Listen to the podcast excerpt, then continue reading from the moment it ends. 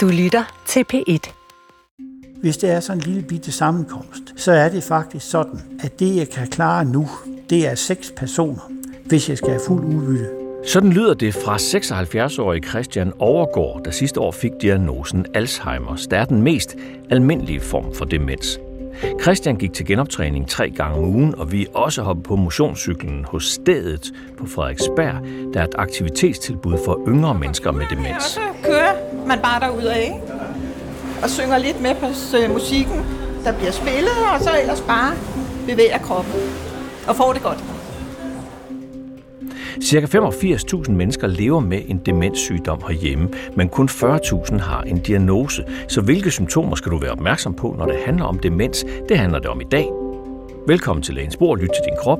Jeg hedder Peter Kortrup Geisling, og jeg har pakket rigtig godt ind af mine to gode kolleger, Louise Ravndal og Katrine Lachmann. Der er flere end 200 forskellige sygdomme, der kan give demens. Den mest almindelige årsag det er Alzheimers sygdom, og det er den, som mindst halvdelen af alle mennesker med demens har. Hvert år får 8.500 stillet diagnosen demens herhjemme. Det svarer til 23 personer om dagen.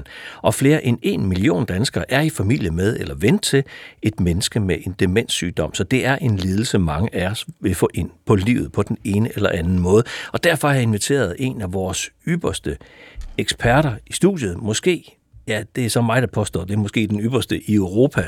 Det er ikke sikkert, hun selv vil øh, sluge den, men det er faktisk sådan, det er. Gunhild Valdemar, der er overlæger professor, leder af det Nationale Videnscenter for Demens, som du øvrigt selv var med til at stifte i 2007. Velkommen, Gunhild. Tak. En undersøgelse fra Alzheimerforeningen viser, at næsten 40 procent af os danskere synes, det er tabubelagt at tale om demens. Hvorfor er det det?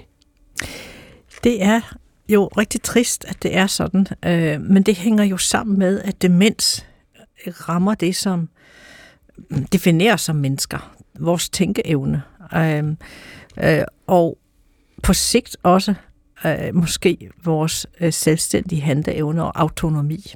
Vores personlighed. Og, og personlighed, ja. Og derfor, øh, det er, der er en stor frygt for, hvad jeg godt forstår. Og der er også frygt for, at det kan blive misforstået af andre. Hvad er det for tabuer, så der er knyttet til demens? Jamen, at straks man har en demensdiagnose, så øh, er man utilregnelig, eller måske ikke kan noget, eller øh, det er, øh, og det er jo forkert. Øh, man øh, går jo ikke fra at være en rask øh, ældre person til det så næste dag, øh, og ikke at kunne noget som helst, og ikke være værdifuld øh, for andre mennesker. Hmm. Men lad os lave et program, Gunhild, hvor vi gør noget ved den. Mm. den tabubelagthed, der åbenbart er omkring demens. Nu skal du møde 76-årige Christian Overgaard, der i december sidste år fik stillet diagnosen Alzheimers demens. Stille og roligt begyndte han at mærke, at noget ændrede sig. Det begyndte med, at jeg glemte småting, og jeg overså så ting, små ting. Men det er jo heller ikke let, når jeg er 76 år, fordi det er jo ikke så usædvanligt, at, loka- at man også godt lokalt kan blive lidt dårligere til at huske. Og jeg blev måske også sådan en anelse forvirret, men det var ikke i og for sig alarmerende. Det var det, at øh, det ikke aftog på nogen måde. Jeg har godt kunne lide at se, se krimier, men hvis de er for komplicerede, for det er jo tit, der er mange mistænkte, Øh, og så først til allersidst falder brækkerne øh, hvad skal man sige, på plads. Og der kan jeg ikke så godt være med, at det kniver mig altså at, at, ja, at følge det helt. Så jeg skal helst have nogen, der er relativt direkte og ja, nemmere at forstå, kan man sige. Selv sådan en enkelt en, som mange kender, altså Barnaby, den kan godt være lige på grænsen for, at jeg kan finde ud af, hvor min kone længe før har regnet ud, hvem der er den skyldige. Og jeg kan i øvrigt, det er også et andet vigtigt og meget trælt eksempel. Det er jo tit, når man er sammen med familie og venner, det gør vi jo. Vi har jo tre børn, der har nogle og børnebørn er der, og så har vi jo meget anden familie. Hvis det er sådan en lille bitte sammenkomst, så er det faktisk sådan, at det, jeg kan klare nu, det er seks personer klare i den forstand, at jeg kan forstå det hele, hvad det siger, og jeg kan selv øh, være med og komme med relevante og nogle gange fagligt betonede inputs også. Øh, men det kan jeg ikke klare. Der kan være seks personer, hvis jeg skal have fuld udbytte, hvoraf de to er min kone og jeg. Så det er fire gæster. Så lukker det. så sidder jeg ved siden af, og mere eller mindre udenfor, og skal være tredje sætning eller sådan noget, især hvis de er livlige snak, og det er der jo nogle gange, så skal jeg jo sige, hvad er det, de snakker om? Og det kan man godt blive træt af. Det er jo ikke deres skyld, vel? Og jeg er god til idéer. Jeg er endda øh, overvejet at lave mig sådan en rødt kort, ligesom jeg bruger til fodbold, og smide på bordet hver gang. Øh, de, øh, de kobler mig ikke af med vilje, men så skal de altså tale lidt langsommere. For jeg vil altid kunne forstå, hvad de siger endnu, fuldt og helt, og komme med relevante, øh, hvad skal man sige, kommentarer, men jeg skal have lidt længere tid til at nå at fatte det, han har sagt, og så svare øh, ordentligt og relevant. Og Gunhild, du nikker til de symptomer, som Christian fortæller om. Mm-hmm. Jeg synes, det er en super, super god forklaring, han kommer med her. Han er jo helt åbenbart i en meget, meget tidlig fase af sin sygdom, og i stand til at fortælle på ganske glimrende vis, øh, hvad det vil sige, i hvert fald lige for i hans tilfælde. Det er så ikke alle, der har samme mulighed for selv at fortælle om symptomerne. Øhm, og det handler om, at der også er nogen, der har dårlig indsigt i deres symptomer. Ja. Han reflekterer rigtig fint over det, mm. Christian må sige. Nogle gange, så, så, da jeg sad og lavede manuskript, og så sad jeg også og tænkte på det, nogle gange så hører jeg nogen bruge ordet øh, senil demens. Er vi ikke enige om, det er der ikke noget, der hedder? Det er altså, der ikke noget, der hedder, men Nej, det var der... noget, man brugte tilbage i 80'erne og ja, 70'erne. Præcis, ja, præcis, ikke? Fordi senilitet, det er en normal aldring, ja. mens demens, det er en sygdom. Bare ja. så vi er enige om, lad, lad være at bruge det der ord mm. senil demens. Jeg, jeg tænker også på nogle af de der ting med, mange ting på, jamen, Apropos det ord, altså hvornår er det normal aldring, hvornår, hvornår er det stress, og hvornår er det demens? Jeg har fundet nogle, øh, nogle forskellige eksempler her, altså når det handler om glemsomhed for eksempel. Altså det er normalt at have brug for huskesedler, huskesedler eller det er også normalt at glemme en aftale, men det er ikke normalt at spørge om det samme flere gange. Mm. Også det der med problemer med at finde ord, det er normalt ikke at kunne finde det rette ord en gang imellem, men det er ikke normalt at gå i stå midt i en samtale, uden at ane, hvordan man kommer videre. Eller det der med forvirring vedrørende tid og sted og den slags. Det er normalt at komme i tvivl, hvilken ugedag det er. Det gør vi alle sammen en gang imellem, men det er ikke normalt, mm. hvis man ikke ved, om det er forår eller efterår. Mm. Eller vanskeligheder ved at finde ting. Sidste eksempel her, det er normalt at glemme, hvor man har lagt fjernbetjeningen, men det er ikke normalt at lægge brillerne i køleskabet. Er det, det er også sådan nogle eksempler, du det er, kan det, det er fuldstændig korrekt, men, men når så det er sagt, så vil jeg også sige, at der er jo ikke nogen helt skarp grænse, og samtidig er det super svært for den, der nu har de her symptomer, at tænke på, om det nu er normalt eller ikke normalt, og det kan også være super svært for de pårørende, de nærmeste, som observerer noget. Øh, ikke mindst fordi det også ofte svinger fra dag til dag. Øh, der kan være dage, hvor mange dage i træk, hvor det er helt normalt, og så opstår der nogle episoder. Mm. Så, så, så Gunhild, hvornår er det, man skal opsøge det skal man, hvis der opstår en bekymring. Hvis man har en mavefornemmelse af, at man tænker, det her, det er jeg godt nok i tvivl om, eller, eller det er godt nok virkelig øh, det virker som om, det ikke er normalt, så skal man tage en snak med, med sin læge. Mm. Uh, vi, vi taler jo tit med, selvfølgelig pårørende, har altid pårørende med ind til vores uh, undersøgelser, og når vi spørger dem, når nu de har fået at vide, at det her er Alzheimer's sygdom, som i Christians tilfælde, uh, når de så tænker tilbage, hvornår vil de så sige, at de første symptomer kommer? Det kan nogle gange være fem år før, de mm. kom til undersøgelse. Men nogle episoder, de beskriver som, hvor de måske ikke til, de synes, det var mærkeligt, men tilladte ikke den store betydning, lige mens det skete. Men nu, hvor de ligesom kan se et forløb, og de kender diagnosen, så, så er det nok begyndt. Og det siger bare lidt om, hvor snigende det kan komme det her, og hvor svært det også kan være at afgøre. Mm. Nogle gange så, så møder jeg også mennesker med demens, der i hvert fald på et tidspunkt i deres demenssygdom ikke længere sådan har selvindsigt i, mm. hvor, hvor syge de efterhånden er blevet. Og så kan jeg nogle gange møde nogle af deres pårørende, der siger, han har stadigvæk, min farfar har stadigvæk kørekort til bil og sådan mm. ting. Er det okay, hvis man har den bekymring at kontakte morfar eller bedstemors praktiserende læge bag om ryggen på patienten, mm. for at sige, prøv at høre, kan du ikke, øh, kan du ikke lokke min mormor eller morfar ned til en, eller min mor ned til en, en, en snak om et eller andet, og så lige være opmærksom på det, jeg selv mm. har gået og set. Kan, kan man gøre det, det sådan bag om ryggen? For det gør vi jo ellers aldrig mm. nogensinde. Det er jo et rigtig godt spørgsmål, og øh, også svært at svare på. Det, jeg vil sige omkring bilkørsel og demens, det er, at øh, hvis man har lette kognitive symptomer, så kan man måske godt stadigvæk køre bil. Og det er, det, det er en individuel vurdering, kan ja. man sige. Ikke? Øh, og, øh, og hvis man stadigvæk har et stort ønske om at køre bil, øh, så vil vi no, i nogle tilfælde foreslå, at øh, egen læge indstiller til en helbredsorienterende køreprøve. Mm. Men er det okay, at de pårørende og, øh, bag om Men for, Jamen, det bedste, det er jo, at man kan tale med vedkommende selv. Mm. Og det er der mange, der måske er lidt bange for os, fordi øh, både omkring symptomerne, men også omkring bilkørsel, at bilkørsel er jo en vigtig og central ting for mange mennesker. Mm. Øh, jeg synes, det bedste det er at prøve at tale med vedkommende selv. Også, også at øh, være direkte og ærlig omkring og sige, jeg har altså lagt mærke til, at du er usikker. Jeg har lagt mærke til, at der er nogle ting. Skulle vi sammen tage en snak med, om lægen, med lægen om det? Mm. Øh, det er jo bedst, at når, når ophør med bilkørsel sker på personens eget initiativ, og heldigvis så er det sådan, det foregår i langt, langt, langt de fleste tilfælde. Øh, det skulle gerne være noget, man selv holder op med. Enten at man aftaler i familien, eller selv mærker, at man ikke kan mere. Fordi så behøver ingen at tage kørekortet, og man behøver heller ikke at komme til køreprøve eller tale med lægen om det i virkeligheden. Mm.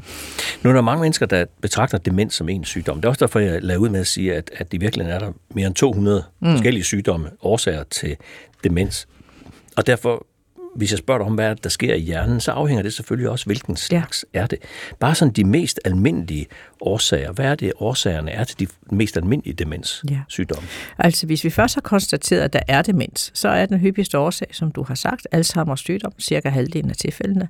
Så kan det være demens, som følger af blodpropper i hjernen, Øh, og, og det kan være blodpropper, man egentlig ikke vidste, man havde, men det kan også være i efterforløbet af øh, en akut blodprop i hjernen, som man har haft. Hvor, altså, hvor, det, hvor blodpropperne har, har spist ja. et, et lille stykke af hjernen. Det kan der, man altså. godt sige, hvor man har et ar i hjernen efter det, eller flere ar i hjernen.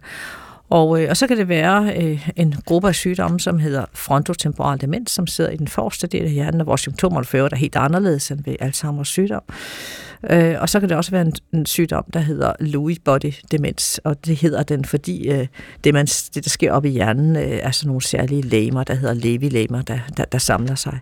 Så det er sådan de øh, hyppigste sygdomme. Men jeg vil så sige, hvis man, har, hvis man har nogle af de her symptomer, som du har nævnt, så er det jo slet ikke sikkert, at det er en demenssygdom. Det kan nemlig også være en række andre tilstande. Altså hvis det er lette symptomer, man har. Det kan være en depression, det er meget almindeligt, at man i forbindelse med depression får svært ved at koncentrere sig, følge med i en film og tale med mange mennesker og sådan noget. Det er, det er et hyppigt symptom også ved depression. Det kan også være stressrelateret, som du var inde på. Øh, det kan være øh, forskellige andre øh, fysiske tilstande, som jeg ikke skal komme nærmere ind på. Men der er altså en række årsager, man ligesom er nødt til at skal udelukke, før man begynder at kalde det en demenssygdom. Og det er mm. derfor, man skal undersøges nærmere. Ja, og undersøge nogen, der ved noget om det. Mm. Bare lige for at tage tallene med. Jeg har nogle tal her. Altså, Alzheimers demens udgør ca. 54 procent. Mm. Den vaskulære demens, den med blodpropperne, ca. 13 procent. Øh, frontallapsdemensen, den hvor det er vores adfærd, mm. vores behavior, der ligesom er, er påvirket, som du siger, ca. 3 procent. Og så nævnte man også alkoholdemens, det er også et organisk opløsningsmiddel, mm. altså ca. 1 procent. Så der kan være, og så er der ca. 200 forskellige mm. af de her sygdomme. Hvis man gerne vil forebygge det her. Det er der mange lyttere, der gerne vil. Mm. Der er nogle sygdomme, der er lettere at forebygge end andre. Mm. Kan man overhovedet gøre noget sådan reelt set for at forebygge demens? Ja, det er vi jo blevet meget mere opmærksom på her inden for de seneste år, hvor der er kommet øh, en række undersøgelser af sammenhæng mellem for eksempel livsstil øh, og andre faktorer, tidlig i livet eller midt i livet, og så risikoen for senere hen at få demens. Så øh, samlet set vurderer man faktisk, at omkring 30-40 procent af demenstilfældene kan være forbundet med risikofaktorer, som man godt kan gøre noget ved. Og hvis jeg skal nævne, hvad det kan være, øh, så er det øh, øh, sådan noget som øh, øh, øh overvægt, øh, for højt blodtryk, øh, øh, sukkersyge, øh, og for højt kolesteroltal, øh, høretab også, øh, og øh, øh, depression. Øh, så der er, der er flere af de her tilstande kan man jo godt gøre noget ved. Det er ikke sikkert, at man derved eliminerer risikoen for demens, men øh, ved at man øh, lever altså sund livsstil i virkeligheden. Jeg glemte at sige alkohol og rygning også selvfølgelig. Mm. Øh, den, den sunde livsstil, som vi jo kender til, også nedsætter risikoen for hjertekarsygdomme. Det nedsætter også risikoen for demens. Ja. Og så er der også det, at, men, men igen, altså der er rigt, man, skal ikke have, man skal ikke føle skyld, hvis der dukker demenssygdom op. Det er stadigvæk en sygdom, som, som kan være svær at forebygge, men der er altså stadigvæk nogle ting, man kan gøre. Så er der også det, jeg tror, det, det, er, noget, det er nyt for mange lyttere, vil jeg tro, det der hedder MCI, Mild mm. Cognitive Impairment, ja. som cirka 200.000 danskere har. Mm. Det er ikke demens, men det er... Det er et øh, begreb. Vi har ikke rigtig noget godt dansk ord for det, kan man sige. Demensleg, Men man det er kan for godt plat, sige, ikke? det er, ja, det synes jeg faktisk, det er, fordi øh, det er en mellemting mellem det at fungere normalt med sin tænkeevner, med sin hukommelse, øh, og så at opfylde vores kri- kriterierne for demens. For at man opfylder kriterierne for demens, så skal, det, så, så skal man have problemer med det, vi kalder de kognitive funktioner, med tænkeevnen, med hukommelsen, som påvirker funktionen i hverdagen. Øh, betragteligt. Øh, når man har MCI, så kan vi godt måle på nogle test, at man husker dårligt, eller har, eller har nogle problemer med ordene, eller hvad det nu måtte være. Men man kan stadigvæk fungere nogenlunde normalt i hverdagen. Og dem, der har MCI, de er i en højere risikoklasse for senere hen at få demens. Men de vil Øh. ikke få det alle sammen. De får det ikke nødvendigvis alle sammen, nej. Du lytter til Lægens Bord, lyt til din krop, hvor det i dag handler om demens. Cirka 85.000 5-86.000 måske ovenkøbet lever med demenssygdom, men under halvdelen er diagnostiseret. Og vi gør dig klogere på, hvilke advarselstegn du skal være opmærksom på. Det gør jeg sammen med Gunhild Valdemar, der er overlæge og professor, leder af det Nationale Videnscenter for Demens. Gunhild, hvad er det, man, du ved, man taler tit om det her med, at at folk frygter at få en kræftsygdom osv. osv. Men jeg kan også se på de tal, vi har undersøgt, at der er rigtig mange, der frygter demenssygdommen, netop jo fordi det er vores personlighed, der på mange måder bliver ramt. Hvordan reagerer folk typisk, når de får at vide, at det er demens, de har? Jamen, der er vi jo alle sammen forskellige, og det afhænger også lidt af øh, baggrunden for, at man er kommet, og øh, hvad der er gået forud. Men for rigtig mange er det jo en lettelse at få en afklaring. Og en adgangsbillet, kan man godt sige, til den, øh, vi kalder det postdiagnostiske støtte, øh, som jo er tilgængelig for, for, for, for, øh, mange mennesker, og som, øh, som øh, kommunerne øh, i, i høj grad er ansvarlige for. Øh, så selvom det også er alvorligt, øh, og afhængig af hvilken sygdom det er, også en alvorlig prognose, så, øh, så er det mit indtryk, at det for mange er en lettelse, også når de senere hen tænker tilbage på den dag, da de fik øh, diagnosen. Mm. Men der er jo også nogen for hvem det her kommer som et chok. Øh, man kan jo få en demenssygdom også øh, tidligere i livet, øh, midt i livet. Øh, Um, måske troede man bare, at det var stress, der gjorde, at man var sygemeldt fra sit arbejde, og så bliver man sendt til undersøgelser, og så kommer der lige pludselig en Alzheimer-diagnose, øh, som man slet ikke havde ventet. Og for dem er det jo en krise, der begynder, øh, og som skal, øh, og de har derfor brug for hjælp øh, på en helt anden måde. Mm. Det tog Christian overgår et halvt år at blive udredt for sygdommen, og han var glad for det forløb, han havde. Jamen, der skete ikke så andet, at det er jo det, man får en henvisning fra Skyby, og så venter man på den. Men det var jo efter, at lægen havde aktiveret den. Og der gik egentlig ikke så lang tid. Det var også en af de ting, jeg var glad for, at jeg kom meget hurtigt til, kan man sige. Og øh, ja, så gik det egentlig hurtigt fremad med forskellige undersøgelser. Og hvad var det for nogle undersøgelser, du skulle igennem i udredningen? Ja, den var blandt andet i hvert fald to øh, separate scanninger. Og så fik jeg en første psykologisk undersøgelse, og allerede den pegede nok i retning af demens. Og så øh, fik jeg to scanninger, der også kunne tyde på det, fordi jeg havde nogle fremmede, øh, eller fremmede, hvad hedder det, øh, amyloider i hjernen. Og så det, der nok slog hovedet på sømmet, ikke? men de havde allerede derude god øh, tanker om, at det var nok det. Så tog de en lumbal punktur, og der fik jeg fordi de jo er grundige også for os, øh, oplyst, at der er tre øh, hvad skal man sige, indikatorer på Alzheimer, de kan se. Og der kan man jo, hvis man er mere heldig end jeg var, godt bare have en af dem eller to. Men jeg fik altså alle tre. De var påvist, alle tre indikatorerne. Og så kan man sige, så var det krystalklart, øh, uden diskussion, at jeg havde begyndende Alzheimer. Ja, han fortæller fantastisk om det, Christian, ikke? Han ved godt, hvad det handler om. Gunhild, vi har jo diskuteret meget det her med ventetider på demensudredning. Altså i forbindelse med valget har vi også fra TV-avisens side gjort det til et stort mm. emne. Vi havde nogle tal, der viste, at i virkeligheden så skal man jo i gang med undersøgelsen inden for en måned. Mange steder var det meget længere. Et sted kunne man komme op til et helt år, før man fik mm. den, den, den første samtale. Så man kan sige, et halvt år til hele udredningen her er, er måske ganske hurtigt for Christians øh, vedkommende. Øh, hvorfor er det vigtigt? Jamen, altså den usikkerhed, der går forud for øh, en afklaring og en diagnose, den er ganske ubehagelig. Det hører vi fra både vores patienter og fra, fra, fra de pårørende. Og, og når man så dertil lægger, at øh, det kunne jo være, at man fejlede noget helt andet. For eksempel er der jo nogen, der har en tumor i hjernen, som Præcis. skulle opereres, eller det kunne være, at man havde en depression, der kan nå at blive meget værre i den periode. Så synes jeg jo egentlig, vi kan jo ikke være de lange ventetider bekendt. Det kan vi ikke. Mm. Så det går ikke. De her lange ventelister, de her lange udredningstider for sygdom, hvad, hvad konsekvenser har det? Men det har jo den konsekvens, at der er nogen, der bliver når at blive for dårlige, kan man sige, øh, de, inden de får den rette støtte og hjælp. Mm. Øh, og der ved vi jo, at uanset om det drejer sig om den her medicinske behandling, vi har, som er en symptomatisk behandling, eller om det drejer sig om den psykosociale indsats, som, som man gerne vil i gang med, og den støtte, som kommunerne også skal tilbyde, så øh, øh, har man bedst gavn af det, hvis det startes øh, tidligt i forløbet. Mm. Nu hørte vi Christian Wien fortælle om her, at, at der blev målt tre ting i hans øh, rygmavsvæske. Hvordan stiller man diagnosen?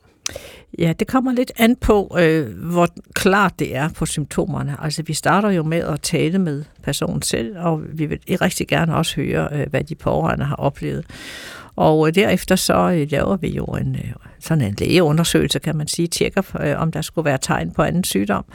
Og, øh, og så laver vi, som Christian også beskriver, en neuropsykologisk øh, undersøgelse. Vi starter med nogle korte test, og hvis man allerede klarer sig rigtig dårligt på de tests, så er der sådan set ikke nogen grund til at gå videre med en udvidet test. Det lyder lidt som om, han har været til en udvidet neuropsykologisk undersøgelse.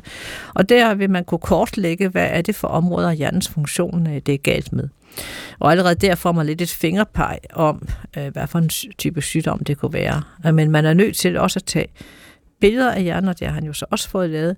Som minimum skal der laves det, der hedder en CT-scanning af hjernen. Øh, ofte vil vi gerne have en MR-scanning af hjernen, og på den vil man kunne, øh, det bruger man dels til at udelukke øh, andre sygdomme, som for eksempel en tumor. Øh, og der, så bruger man det også til at se, om der er helt øh, specif- specifikke tegn på, at der svinder hjernevæv i nogle bestemte områder af hjernen, eller måske blodpropper og forandringer i hjernen. Og hvis man så øh, øh, når frem til, at det her, det kunne godt være Alzheimer, men vi har jo sådan set ikke rigtig nogen helt specifikke tegn på, det er det, og det er jo sin sag at, at give en Alzheimer-diagnose, hvis ikke det er rigtigt. Mm. Så, og særligt tidligt i forløbet, som i Christians tilfælde, hvor symptomerne er milde, så vil vi godt være lidt mere sikre. Og det er der, vi så har mulighed for enten at lave noget supplerende PET-scanning, øh, eller at lave en lumbalpunktur, øh, altså, eller man, begge dele. Hvor man måler, hvor man ja. kigger på en rygmavsvæske. Fordi vi så i, i rygmavsvæsken, som han også beskriver, der er tre biomarkører, kalder vi dem. Øh, den ene amyloid vil være lav ved Alzheimer's sygdom, fordi det alt sammen hober sig op i hjernen. Og de to andre tau og fosfotau hedder de, de vil være forhøjet. Og han har åbenbart øh, alle tre øh, ting, kan jeg forstå øh, ja. her. Øh, men det er jo langt fra alle, der skal igennem så mange undersøgelser. Øh, det afhænger lidt af, hvor tidligt det forløber, og hvor usikre vi er i forhold til de kliniske symptomer. Ja, og der rørte du så også lige præcis ved den væsentligste mm. årsag til den mest almindelige demenssygdom, mm. altså mm. at beta-amyloid og tau mm. hober sig op i hjernen øh, ved den sygdom. Mm. Men det virker som om, det godt kan være en svær diagnose at stille. Det er jo, altså man må sige, hvis man er i i det moderate til svære stadie, så tror jeg, at ikke man behøver at være hverken læge eller sygeplejerske eller psykolog for at stille diagnosen. Det tror jeg, som mange øh, mennesker godt kender til derude, som du siger, mange har, måske nogen i familien. Men hvis man kommer med de symptomer, som Christian kommer med, svært ved at koncentrere sig om at se en film, svært ved at følge med i en samtale, og, øh, men i øvrigt klare sig måske nogenlunde normalt med mange andre ting, så kan vi rigtig godt være i tvivl om, for det første, om det er overhovedet en demenssygdom, der er på vej, eller om det er noget andet. Og for det andet, hvad det så i givet fald er for en sygdom. Mm. Nogle får også bare at vide, at de har en demenssygdom, men man når ikke ind til den specifikke årsag. Ja. Er det okay?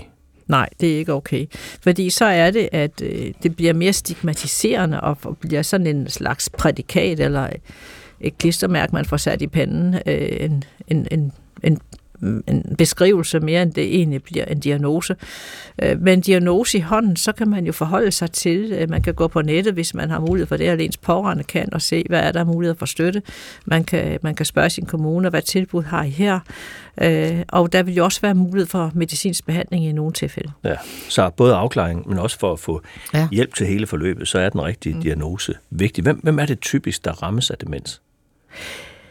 Jamen, det er jo sådan, at øh, det er langt hyppigere hos ældre mennesker end Ja. hos yngre mennesker.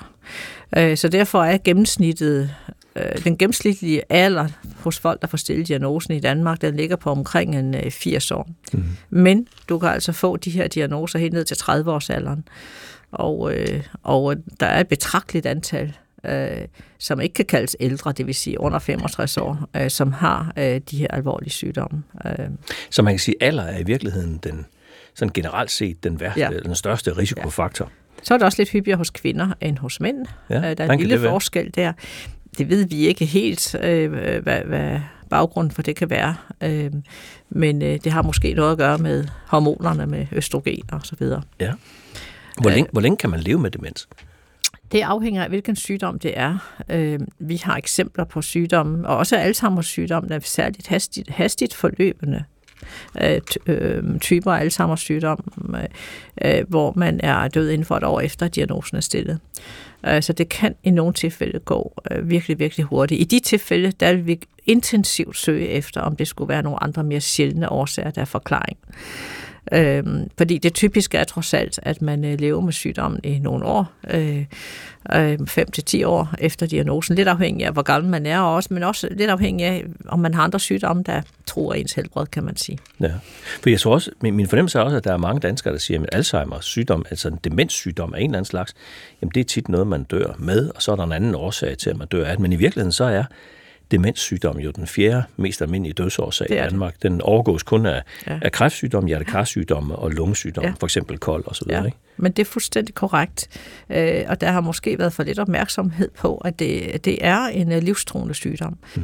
Øh, politisk har man jo prioriteret livstruende sygdom rigtig meget, og der har man altid kun haft hjertesygdomme og kræft i tankerne, ja. men faktisk er demens jo også en øh, livstruende Ja, sygdom. det er simpelthen mærkeligt. Det kan man godt sige. Lad os give den, lad os give den melding videre til en, øh, en ny regering. Der findes jo en række myter, apropos det her om, om demens. Lad os prøve at høre nogle af dem. Mange tror, at demens udelukkende handler om hukommelsen. Men demens kan også handle om andre ting. For eksempel ændringer i adfærd og personlighed, koncentrationsbesvær eller impulsiv adfærd. Mange tror også, at demens er en naturlig del af det at blive gammel, men det er ikke rigtigt. Demens skyldes altid alvorlig sygdom i hjernen. Der er også mange, der tror, at demens er en statisk sygdom i den svære fase. Men demens findes i forskellige faser, og i den tidlige fase kan mennesker med demens faktisk indgå i de samme aktiviteter og udføre de samme ting, ligesom alle andre, hvis bare de får den rette hjælp. Gunne, hvilke betydning har de her forskellige myter for dem, der bliver ramt? Jeg tror, det er meget medvirkende til, øh, som du også har nævnt tidligere, at der, øh, der er det her tabu forbundet med øh, demens. Øhm, folk forstår ikke de ændringer, der sker. Øh, vi ser jo også tit, hvis man kommer meget sent til undersøgelser og udredning, at, og der er gået i virkeligheden nogle år med, med, med stigende omfang af symptomer, at det nærmeste netværk, og dermed mener jeg venner og bekendte, at de har trukket sig. Så man sidder der tilbage øh, og er ensom. Og måske at ens ægtefælle er lige så ensom, fordi hele netværket har trukket sig, fordi de ikke forstår de ændringer, der sker. Mm. At de synes måske, det er mærkeligt. Så derfor det er en anden grund til også at blive undersøgt tidligt, at, at så kan man få den her diagnose, eller få den afkræftet, og så kan man jo tage en snak øh, med sin familie og med sit netværk om, hvad det her er. Vi plejer altid gerne at tale med folk om, når, når de har fået diagnosen, hvem synes du så skal vide det her? Ikke? Og lige det første indtryk kan godt være, at det er der ikke nogen, der skal vide, men, men, men det er faktisk rigtig god idé at motivere til at få fortalt om det, fordi så er det vores indtryk, at så vil man også gerne hjælpe. Ligesom vi kender til på kræftområdet, at man vil da gerne hjælpe en nær bekendt, som har fået kræft. Mm. Så lad os altid få svisken på disken. Lad os altid få sat ord på det, det handler om spøgelserne og uvidenhed, og det man ikke mm. taler om rammer endnu hårdere. Christian Overgaard han har gået til træning i Demenshjørnet, som er et kommunalt tilbud i Aarhus Kommune. Om det fortæller han sådan her. Vi prøvede mange forskellige maskiner, og øh, der blev virkelig holdt øje nok mere end på træningscenter, fordi øh, det var sådan, at når vi begyndte, så havde de noget, der lignede et øh, regneark, hvor de holdt øje med, hvis jeg for eksempel skulle tage en cykel, træningscykel, øh, hvor langt kørte han i kilometer, og hvilken belastning var der på pedalerne. Og der kiggede de på, hver eneste gang jeg skulle starte, hvordan det var gået gangen før. Og det holdt de jo nøje øje med fra gang til gang.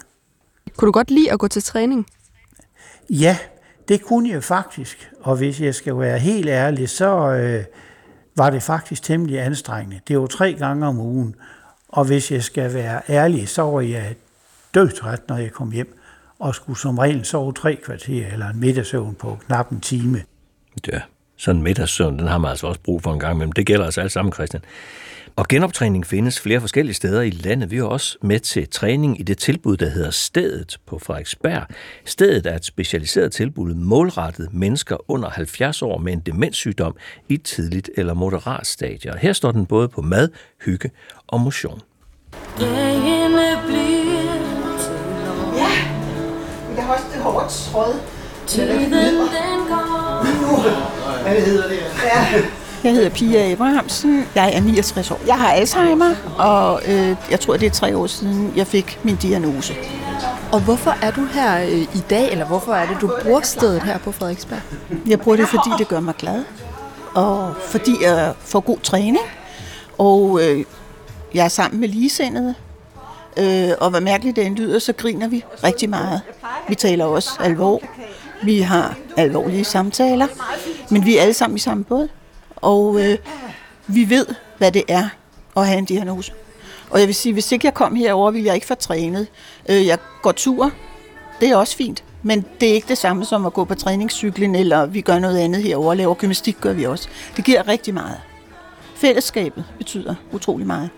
Men motion, altså for mig, jeg har opdaget, at motion er faktisk en meget vigtig ting, når man har Alzheimer. Det er det sikkert også, når man ikke har det, men især fordi der kommer nogle endorfiner, der kommer gang i nogle ting, som øh, man ellers ikke fik gang i, hvis man bare sad derhjemme i sofaen. Ja, Per Hillebrandt, og jeg er jeg mig, 70 år. Og øh, jeg har fik konstateret på grund, jeg fik konstateret en øh, kan man sige, tidlig demens, for det må være et, ja, ikke mere, meget mere end et halvt år siden. Og blev så relativt hurtigt henvist hertil, og, fordi vi havde hørt om, om stedet. Hvordan kan du mærke din sygdom i hverdagen? Jeg mærker den med, at det faktisk at den der, det er den der korttidsudkommelse, der er et problem. At jeg kan have et eller andet, have lavet en aftale for eksempel, som jeg kan gå hen og, og, og, og kan man sige, glemme, kan, kan svært at hente den frem igen. Og det er så blevet en del bedre øh, ved, ved opholdet her faktisk. Hvor man har den her, mm, øh, man hører mange andre, der fortæller om det, noget af det samme. Og jeg tror på en eller anden måde bliver man bedre til at, at, at, at, at, at leve med det, prøve at, at huske den der, det, der, det, der skete. Og måske også skrive ned i lidt højere grad, typisk med aftaler. En gang glemmer man en aftale, men jeg tror, øh, jeg har jeg været lært at skrive ned. Pia, nu sidder du på motionscyklen. Hvor lang øh, tid skal du sidde der i dag? Hvad hedder det? Det plejer at være, hvad hedder det, 40-50 minutter, altså efter øh, hvor langt jeg skal køre. Ikke? Og det er så kun, øh, sat ind på computeren her, og så kører man bare derud af. Ikke? Og synger lidt med på øh, musikken, der bliver spillet, og så ellers bare bevæger kroppen og får det godt. Og hvad med dig, Pia? Hvor lang tid skal du køre på cyklen i dag? Cykle? Ja, jeg kommer til at køre i en 30-40 minutter. 40 minutter, måske. Og hvad gør det ved dig at sidde lige her? Jamen det gør, at jeg får, taget, jeg får dyrket motionen, som jeg måske burde gøre. Ikke? Og her får man så det der ekstra. Det, det bliver lidt, det er hyggeligt at sidde og se de andre. Og så for det her fællesskab gælder også herinde. Det rum, I sidder i lige nu, der kan jeg se 1, 2, 3, 4, 5 motionscykler, en romaskine og en gåmaskine også. Og I er i ja, hvad kan man sige, en, en forholdsvis lille, et forholdsvis lille rum. Ja. Øh, I sidder meget tæt på hinanden. Er det hyggeligt? Ja, ja. Så kan vi jo snakke. Vi kan snakke lidt, specielt i starten. Men det er jo hyggeligt at se de andre arbejde også. Så øh, der, det gør ikke noget, rummet er så lille. Har du noget øh, familie derhjemme? Ja, jeg har kone og et hjemmeboende barn stadigvæk. Og hvordan er det at have fået øh, den her sygdom, og så øh, stadig selvfølgelig at have en, en søn, der bor hjemme, og også øh, have en kone og et helt almindeligt familieliv? Jamen, i starten tænkte man mere, mere, mere over det egentlig. Nu her, hvor man har fået afklaret, hvad det er, og også det kommet i gang med den her træning her, der, øh, det, jeg tror, man har vendt jeg, jeg har vendt mig til det. Jeg er egentlig heller ikke, jeg er ikke, øh, man kan sige, jeg er ikke påvirket min hverdag af det. Det var jeg i starten, helt klart. Hvor det var svært at huske ting. Men det er blevet langt, langt bedre. Er det ikke for let tråd, du har? og hvordan påvirker sygdommen din øh, hverdag ellers, og især også din familie? Jamen, du skal jo næsten spørge familien, ikke? Fordi, øh, hvad hedder det? Jeg synes faktisk, de tager det pænt. Jeg synes, min mand har været fantastisk. Og jeg håber, at hvis det havde været det omvendte, der var tilfældet, at jeg havde været lige så tålmodig og forstående. Det ved man jo ikke, før man prøver det. Men øh, det påvirker. Men altså, jeg vil helst ikke behandles som øh, skrøbelig eller noget. Det bryder jeg mig ikke om. Jeg vil helst have, at tingene er, som de øh, plejede at være. Og jeg prøver jo også, ikke? Altså, jeg har mistet øh, koncentrationen for at kunne læse en god bog. Det brugte jeg ellers meget tid på. Kan jeg ikke mere. Øh, så må man jo finde andre ting at gøre, ikke? Og det, det er også noget med at gå tur eller cykle lidt måske, ikke? Men jeg får mest ud af, at, altså motionsmæssigt, af at komme herover. Helt sikkert. Du skal lige få pusten igen, ja. jeg lov til, så rykker jeg mig. Gunhild, sådan nogle fællesskaber som det, vi er med til her, hvad betyder det? Jamen, det betyder helt enormt meget. Jeg vil gerne rose de initiativer her, fordi de jo øh, tager udgangspunkt i de helt særlige behov, som mennesker med demens har. Vi har alle sammen behov for at motionere. Vi har alle sammen behov for regelmæssig fysisk træning. Det vil vi alle sammen få det bedre af. Men for mennesker med demens, så er det enormt svært at motivere sig selv til at gå hen alene i et træningscenter. Og når man så er derhen, er det også svært at motivere sig selv til at blive ved og vide, hvad man skal gøre. Så det her, det kalder vi superviseret træning, som jeg kan forstå, det er det er øh, langt, langt bedre. Altså et særligt tilbud til mennesker med demens, som indebærer, at man, man, øh, man bliver motiveret, man bliver motiveret fra gang til gang, som vi kan høre, der bliver fortalt om her. Man, man bliver motiveret af sine egne resultater, og så ikke mindst det fællesskab, man kan have med andre, og måske også det fællesskab, de pårørende, hvis de går med, kunne have med hinanden. Øh, det så vi i en landsdækkende undersøgelse, vi lavede i Danmark for nogle år siden, hvad vi kaldte det for ADEX-studiet, hvor vi faktisk var i stand til at vise, at intensiv fysisk træning tre gange om ugen øh, øh, i en periode på, på, på en 3-4 måneder kunne øh, forebygge øh, psykiske symptomer, og i, hos dem, der passede træningen intensivt, også bedre hukommelsen. Øh, så der er ingen tvivl om, at øh, det er et rigtig godt tilbud. Hvordan behandler man demens? Hvad muligheder er der i dag? Det kommer igen an på, hvad årsagen er. Øh, hvis man har Alzheimer's sygdom, eller den sygdom, der hedder Lewy body demens, eller hvis man har Alzheimer's sygdom blandet lidt med, hvad kan man sige, blodpropper i hjernen, så er der mulighed for at give noget øh, øh, behandling, det vi har faktisk haft i over 20 år, øh, som, øh, som øh, påvirker symptomerne i positiv retning, øh, men uden at helbrede sygdommen, uden at fjerne de her forandringer op i hjernen. Øh, det øh, tåles godt af de fleste, selvom der er nogen, der der har bivirkninger af det. Øh, det er ikke noget, man skal regne med at blive rask af, men man klarer sig bedre i længere tid, hvis man får den øh, medicin. Ja. Og for ikke så længe siden, der kom der så den her nye medicin, lecanemab. Udtaler ja. jeg det rigtigt? Jeg har aldrig ja, brugt lecanemab, ja. Lecanemab, siger du? Ja. Øh, mod Alzheimers øh, sygdom. En af dine kolleger kaldte det epokegørende. Den skal først lige godkendes i Europa. Den skal gives tidligt, hvis ja. den skal virke. Det er vigtigere derfor at være opmærksom på de første tegn på demens. Er, øh, på demens. Er det er det en epokegørende ny behandling, der er undervejs? Tror altså det, man kan sige, er, at man har i mange, mange år forsøgt at fjerne det her amyloid, som er et protein, et æggehvidestof, der samler sig i hjernen ved Alzheimer's sygdom, og som vi ved, man har, når man har Alzheimer's sygdom. Øhm, og gjort mange forsøg på det uden held. Øh, nu har vi så her de seneste år, har der været udviklet nogle antistoffer, øh, som, øh, som øh, man altså øh, udvikler, kan man sige, kunstigt øh, mod øh, det her protein. Og når man så har givet det til mennesker med demens, så har man faktisk kunne vise, at man nedbringer eller helt fjerner amyloid i hjernen. Og lecanomab, det er sådan et lægemiddel, der kan det. Øh, det er øh, veldokumenteret, men det nye er, at øh, det ser ud som om på de øh, resultater, der er præsenteret for nylig på en international øh, kongres, at øh, der også er en virkning på symptomerne ved Alzheimer's sygdom, for det nytter jo ikke noget at pølle amyloid i hjernen, hvis ikke det hjælper. Mm.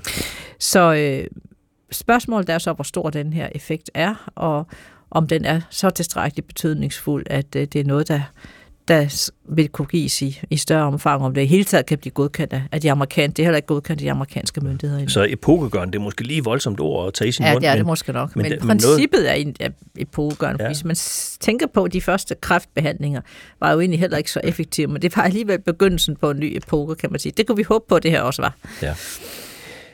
Næsten hver femte demensramte for antipsykotisk medicin. Altså, og det er noget, man giver, hvis man har vrangforestillinger, man ser og hører noget, som ikke er der. Det sker på trods af en politisk målsætning fra 2016 om, at forbruget af antipsykotisk medicin blandt mennesker med demens, det skulle nedbringes med 50 procent frem til år 2025. Og jeg har lige her til morgen fået konklusionen fra Alzheimerforeningen, de konkluderer, at forbruget af antipsykotisk medicin til mennesker med demenssygdom på plejehjem stiger fortsat der er fortsat markant forskel kommunerne imellem, op til fem gange så stor forskel fra den ene kommune til den anden. Og der er fortsat også regionale forskelle. Hvad er det for noget, det her, Gunhild? Hvad tænker du om det? Ja, altså det er sådan, at antipsykotisk medicin, øh, det kan man få brug for at give til mennesker med demens, og i øvrigt også mennesker uden demens. Øh, hvis man har øh, det, der hedder psykotiske symptomer, det vil sige vrangforestillinger, eller det, at man ser syner, øh, og især hvis man bliver så urolig og agiteret af det, at man er måske til fare for sig selv eller for andre, så er det helt nødvendigt at give antipsykotisk medicin. Der er også nogle tilfælde af meget svær depression, hvor man er nødt til at give antipsykotisk medicin som et øh, supplement. Så det er bestemt ikke sådan, at man aldrig nogensinde må give det til mennesker med demens. Men det bliver givet i rigtig mange andre typer af situationer, og det er det, der er problemet. Øh, når det hvor bliver, det ikke skal gives? Ja, hvor det bliver givet til mennesker med demens, som måske mm, ud, udvikler noget udfordrende adfærd, lidt urolige og går lidt for meget rundt og øh, er måske lidt vredladende og sådan noget, så, øh, så, øh, så bliver det givet for at berolige dem. Mm. Og, øh, og det er jo rigtigt nok, at det er en psykotisk medicin, som en bivirkning har, at det sløver. Og øh, problemet er bare, at det tåles meget dårligt af ældre mennesker generelt, men især ældre mennesker. Hvad, hvad skulle personale gøre i stedet for, når folk er sådan udreagerende og går ind på det, man skal, stuer? er jo, at man skal for det første fange det sådan i opløbet, og ikke lade det køre i ugevis eller dagevis. Det er det ene. Og det andet er, at man skal sørge for at finde ud af, kunne der være en fysisk årsag til det? Øh, hvis man for eksempel har nogle akutte smerter, øh, eller hvis man øh, har en urinvejsinfektion eller en anden infektion, så er det ikke altid, at symptomerne viser sig på samme måde som hos os andre. Øhm, øh, mennesker med svær demens, som er på plejehjem, kan ikke altid give udtryk for det på samme måde. Og er du en erfaring, er du en erfaren øh, sociohjælper eller socioassistent, så ved du godt det. Og det er du vant til at lægge mærke til. Men øh, er du knap så erfaren, eller er der mange vikarer, og har man travlt, øh, så kan det være, at man ikke helt får lagt mærke til det. Ja. Øh, og så øh, får man ikke behandlet den til grundlæggende årsag. Mm.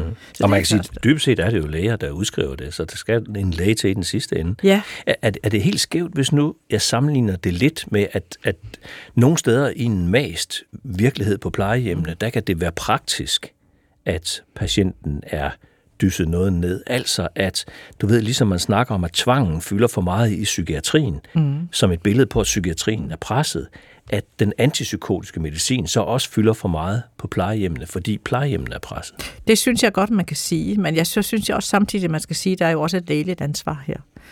Øh, der, er, øh, der er, som du siger, en læge, der også skal skrive det ud. Men ja, det, det tænker vi jo, når der er så stor forskel fra den ene kommune til den anden kommune, og vi kender eksempler på, at inden for den samme kommune kan der være forskel på det ene plejehjem og naboplejehjemmet. Altså virkelig stor forskel i, hvor meget det bliver brugt. Så kan det jo ikke kun være på grund af de faglige årsager til, at den her medicinsk behandling bliver givet. Så har det noget at gøre med, med kulturen og øh, med traditioner måske, og hvad man plejer at gøre, eller med kompetencer.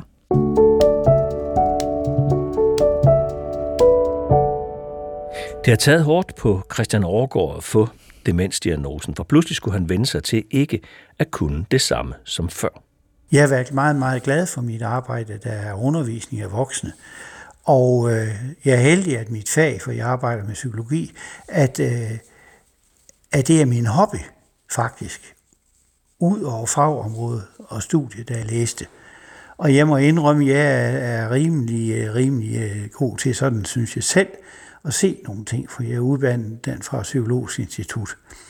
Og der prøvede jeg at karakterisere, hvordan jeg havde det efter at have været meget aktiv og meget brugt i hele landet på alle universiteter også. Øh, der har jeg karakteriseret det sådan, at ligesom du knipser med fingrene, så gik det faktisk fra dag til anden for at have været betydningsfuld til betydningsløs, fra at være nyttig til unyttig, fra at være anerkendt til glemt. Og før var jeg respekteret, men nu blev jeg glemt. Og det er, altså, jeg ved ikke, om det er mig, der er svag, men det må jeg nu godt nok sige, at det er noget af en degradering af næsten hele personen. Og det har jeg haft lidt svært ved at øh, finde mig i. For jeg har jo ikke noget, selvom jeg er godt gift, og vi bor fint og sådan nogle ting. Så øh, gør jeg jo faktisk ikke så meget. Jeg synes, det er en god beskrivelse at sige en lille stykke, jeg har fået. Der står nemlig, I am busy doing nothing. Jeg har naturligvis familie, også nogle børnebørn, og det er jeg jo forfærdeligt glad for. Men det, kan jo, det, det er jo ikke sådan, at børnebørn, dem ser jeg kun en gang imellem, når vi besøger dem. De bor ikke her, hvor vi gør. Så jeg har ikke ret meget at tage mig til. Nej. Og det, jeg synes, Christian han er rigtig, han er virkelig god til at sætte, øh, sætte billeder på. Meget respekt. Hvilke følelser og frustrationer er det, der kan være forbundet med demenssygdom? Altså, øh, det kan igen være rigtig, rigtig forskelligt. Øh, der er jo nogen, der øh, som en slags ledsage sygdom, eller ledsagssymptom får en regulær depression.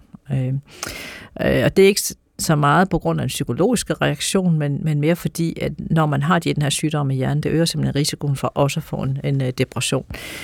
Øhm, så er der også nogen, der har rigtig dårlig indsigt i. Øh, det gælder jo ikke Christian. Han forstår præcis, hvad, hvad den her sygdom betyder for ham. Men der er også en del, også i den tidlige fase, som ikke er helt med på, at der er noget galt med dem.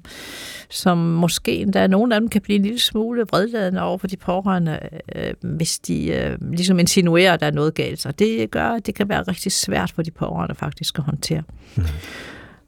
For demens bliver jo også kaldt de pårørende sygdom. Mm. Altså, det ved jeg ikke, man kan sige, men nogle gange gør det jo. Altså, det er i hvert fald en sygdom, mm. hvor de pårørende lige pludselig får det ganske tæt på. Nogen siger også, at, at de pårørende mister et menneske mm. og, og får et nyt. Det afhænger selvfølgelig af, hvilke symptomer, der er tale om. Hvordan fylder sygdommen for de pårørende? Det er ganske grænseoverskridende at være nær pårørende til en person, der udvikler de her symptomer, øh, øh, og, og ligesom følge alle faserne i sygdommen. Øh, nogle beskriver det som, at vedkommende forsvinder for dem, samtidig med, at de går livslevende rundt og ligner sig selv øh, fysisk. Øh, det kan være rigtig, rigtig svært. Og der kan være nogle symptomer, der kan opstå i de sene faser, som kan være øh, virkelig skræmmende. Øh, jeg mødte engang en, en kvindelig ægtefælde til en mand, der, der havde fået en demenssygdom, som øh, der, der, der han første gang ikke kunne kende hende. De var derhjemme, men han kunne ikke kende hende. Så ringede hun 112, så forskrækket blev hun. Mm.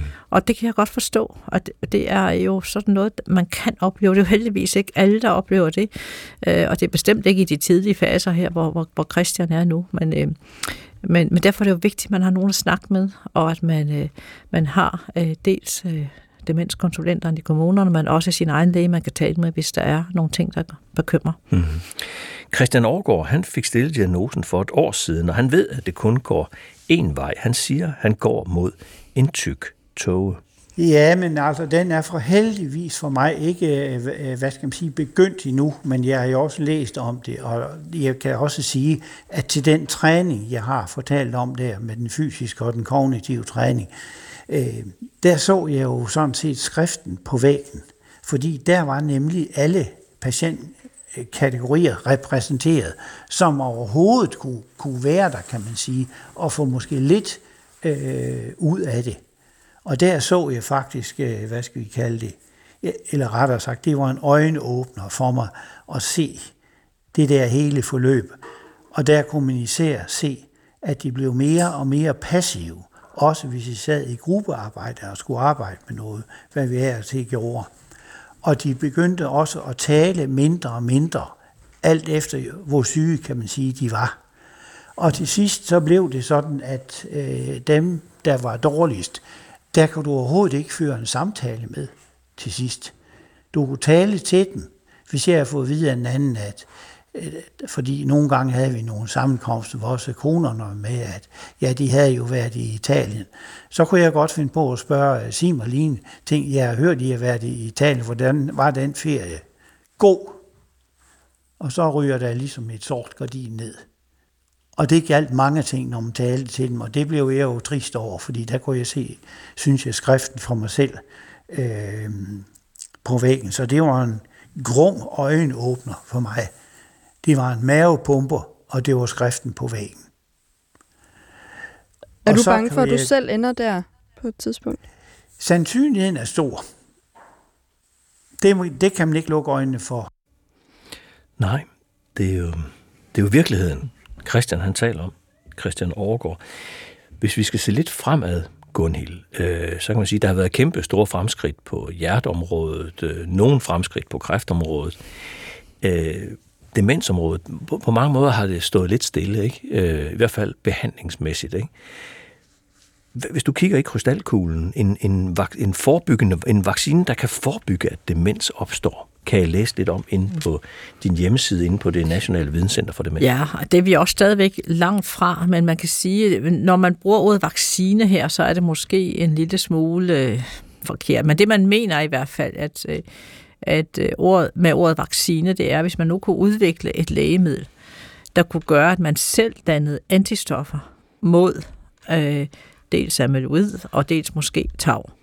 Øh, og man så gav det til folk, tidligt i livet, måske særligt dem, man vidste af en eller anden grund havde en risiko, så kunne man jo håbe på, at man kunne forebygge det. Og det er, der, det er et håb, der er lige nu. Og det er så lidt, man kan sige, man har prøvet det på amyloid-området, men det, den medicin tålte ikke særlig godt, så det man ligesom kommer lidt fra. Nu er, nu er der så nogle eksperimentelle forsøg, der tyder på, at måske kunne det lade sig gøre med det her tau, det var det andet protein. Øh, men det ved vi altså ikke endnu. Og man kan også sige, øh, øh, det er jo også, mm, hvis der lige pludselig er sådan et, et lægemiddel, skulle man så give det til os alle sammen den dag, vi fylder 50, øh, og det vil garanteret også være forbundet med risici og bivirkninger. Så der er en række uafklarede spørgsmål, men jeg synes bare godt, man kan sige, at, at der er håb forud. Mm. Hvis nu vi ser på demens i fremtiden, altså man har nævnt Danmark, at Danmark skulle være et demensvenligt land – 98 demensvenlige kommuner. Det er jo ikke noget, jeg har fundet på, men det var jo det, der ligesom var overskriften. 98 demensvenlige kommuner. 23 initiativer fordelt på fem forskellige fokusområder, når det handler om demens. Hvad er status, hvad er status på den der handlingsplan og de mål, der blev sat? Altså, jeg synes jo, at vi nåede øh, rigtig langt. Det var en, øh, det var en rigtig god handlingsplan med, med rigtig mange gode initiativer, og nogle af dem var jo ikke tænkt til at skulle fortsætte. Det var ligesom nogle ting, der skulle løses, for eksempel nogle ændringer i lovgivning og sådan noget. Det er alt sammen blevet løst. Så er der andre ting, hvor man må sige, det kan man jo ikke bare stoppe sådan lige her. Øh, Øh, og det er blandt andet den investering i, øh, i de regionale klinikker i forhold til at få den rigtige organisering, få den rigtige ekspertise ind, så man øh, kan tilbyde sådan en som Christian, vi har hørt nu, en, øh, en, en ordentlig undersøgelse, så man kan være præcis i sin diagnostik, og ikke mindst, hvis nu der kommer et lægemiddel, der kun kan gives til, til dem, der har den her helt præcise diagnose. Altså eksempelvis, at der både er en psykiater, en, en neurolog, en geriater og, altså ældre medicinske sygdomme. Neuropsykolog og så videre. Ekspertiserne skal så, være til stede de her få ja, steder. Det, det er det, der var tanken i de anbefalinger. Og der kan man sige, der, der er vi ikke nået helt i mål endnu, øh, og så mangler vi jo også kapacitet øh, de her steder. Så, øh, øh, og den sidste, de sidste øh, bevillinger, kan man sige, eller puljebevillinger til det her område, de, øh, de falder bort nu her ved udgangen af 2023. Ja. Øh, og så bliver ventelisterne altså endnu længere, ja. kan man sige, øh, hvis det er, at der ikke investeres i området. Ja. Derudover så er der jo også det her med demensvenlighed, som du siger. Øh, det kunne der investeres endnu mere i. Der er rigtig mange steder, der har gjort mange fine ting. Der har været puljer, man kunne søge på de særlige initiativer i kommunerne og også på hospitalerne. Vi har haft et projekt om demensvenlige sygehuse, som øh, mange sygehus rigtig gerne vil arbejde videre med. Mm. Tusind tak, Gunhild Valdemar, fordi du er med en times samtale her om demens, fakta, gode råd, myter osv. Også øh, kæmpe stor tak til Christian Overgaard for at fortælle sin historie. Tak til stedet på Frederiksberg og de medvirkende. Du kan altid lytte til Lægensborg og lytte til din krop i DR Lyd, og det kan du gøre lige når det passer dig. Der er mange flere fakta om demens på det Nationale Videnscenter for Demens og på Alzheimerforeningens hjemmesider. Den her serie, den har jo handlet om advarselstegn eller symptomer på sygdom, vi skal være opmærksom på. Så for helhedens skyld, så bør jeg også lige nævne de syv advarselstegn, på en kræftsygdom. Vi har nemlig slet ikke været omkring kræftsygdommene. Og det er, hvis du mærker en knude, hvis du hoster eller hæs i mere end en måned, hvis du har synkebesvær, hvis du har et uforklarligt vægttab, hvis du har hvis dit afføringsmønster, hvis det ændrer sig, altså hård eller tynd mave i mere end to uger, hvis du har blod i urinen, afføringssæden eller i opkast, hvis du har modermærker eller sår, der ændrer form eller farve eller ikke vil hele. Det er de advarselstegn, de syv advarselstegn, du skal være opmærksom på. Så bør du vente med din læge. Vi er tilbage igen i næste uge, hvor det skal handle om depression. Der er 100.000 danskere, der har en depression uden at vide det. Hvilke symptomer skal du være opmærksom på? Det er lægensbord i næste uge. Og så bliver det i det hele taget startskud til 2023, hvor det er på alle vores mange platforme sætter ekstra fokus på børn og unges trivsel og på mennesker, der har fået psykiske sygdomme helt ind på livet. Helt særligt fokus fra DR på psykiatrien i det år, vi lige er gået ind i. Hvis du har spørgsmål eller erfaringer med depression, så skriv ind til mig på lægensbordsnabelag.dr.dk og det er lægens med AE, lægensbordsnabelag.dr.dk. Jeg hedder Peter Kortrup Geisling, og udsendelsen er sat sammen af mine to gode kolleger, Louise Ravndal og Katrine Lackmann. Tak for i dag, og tak fordi du lyttede med.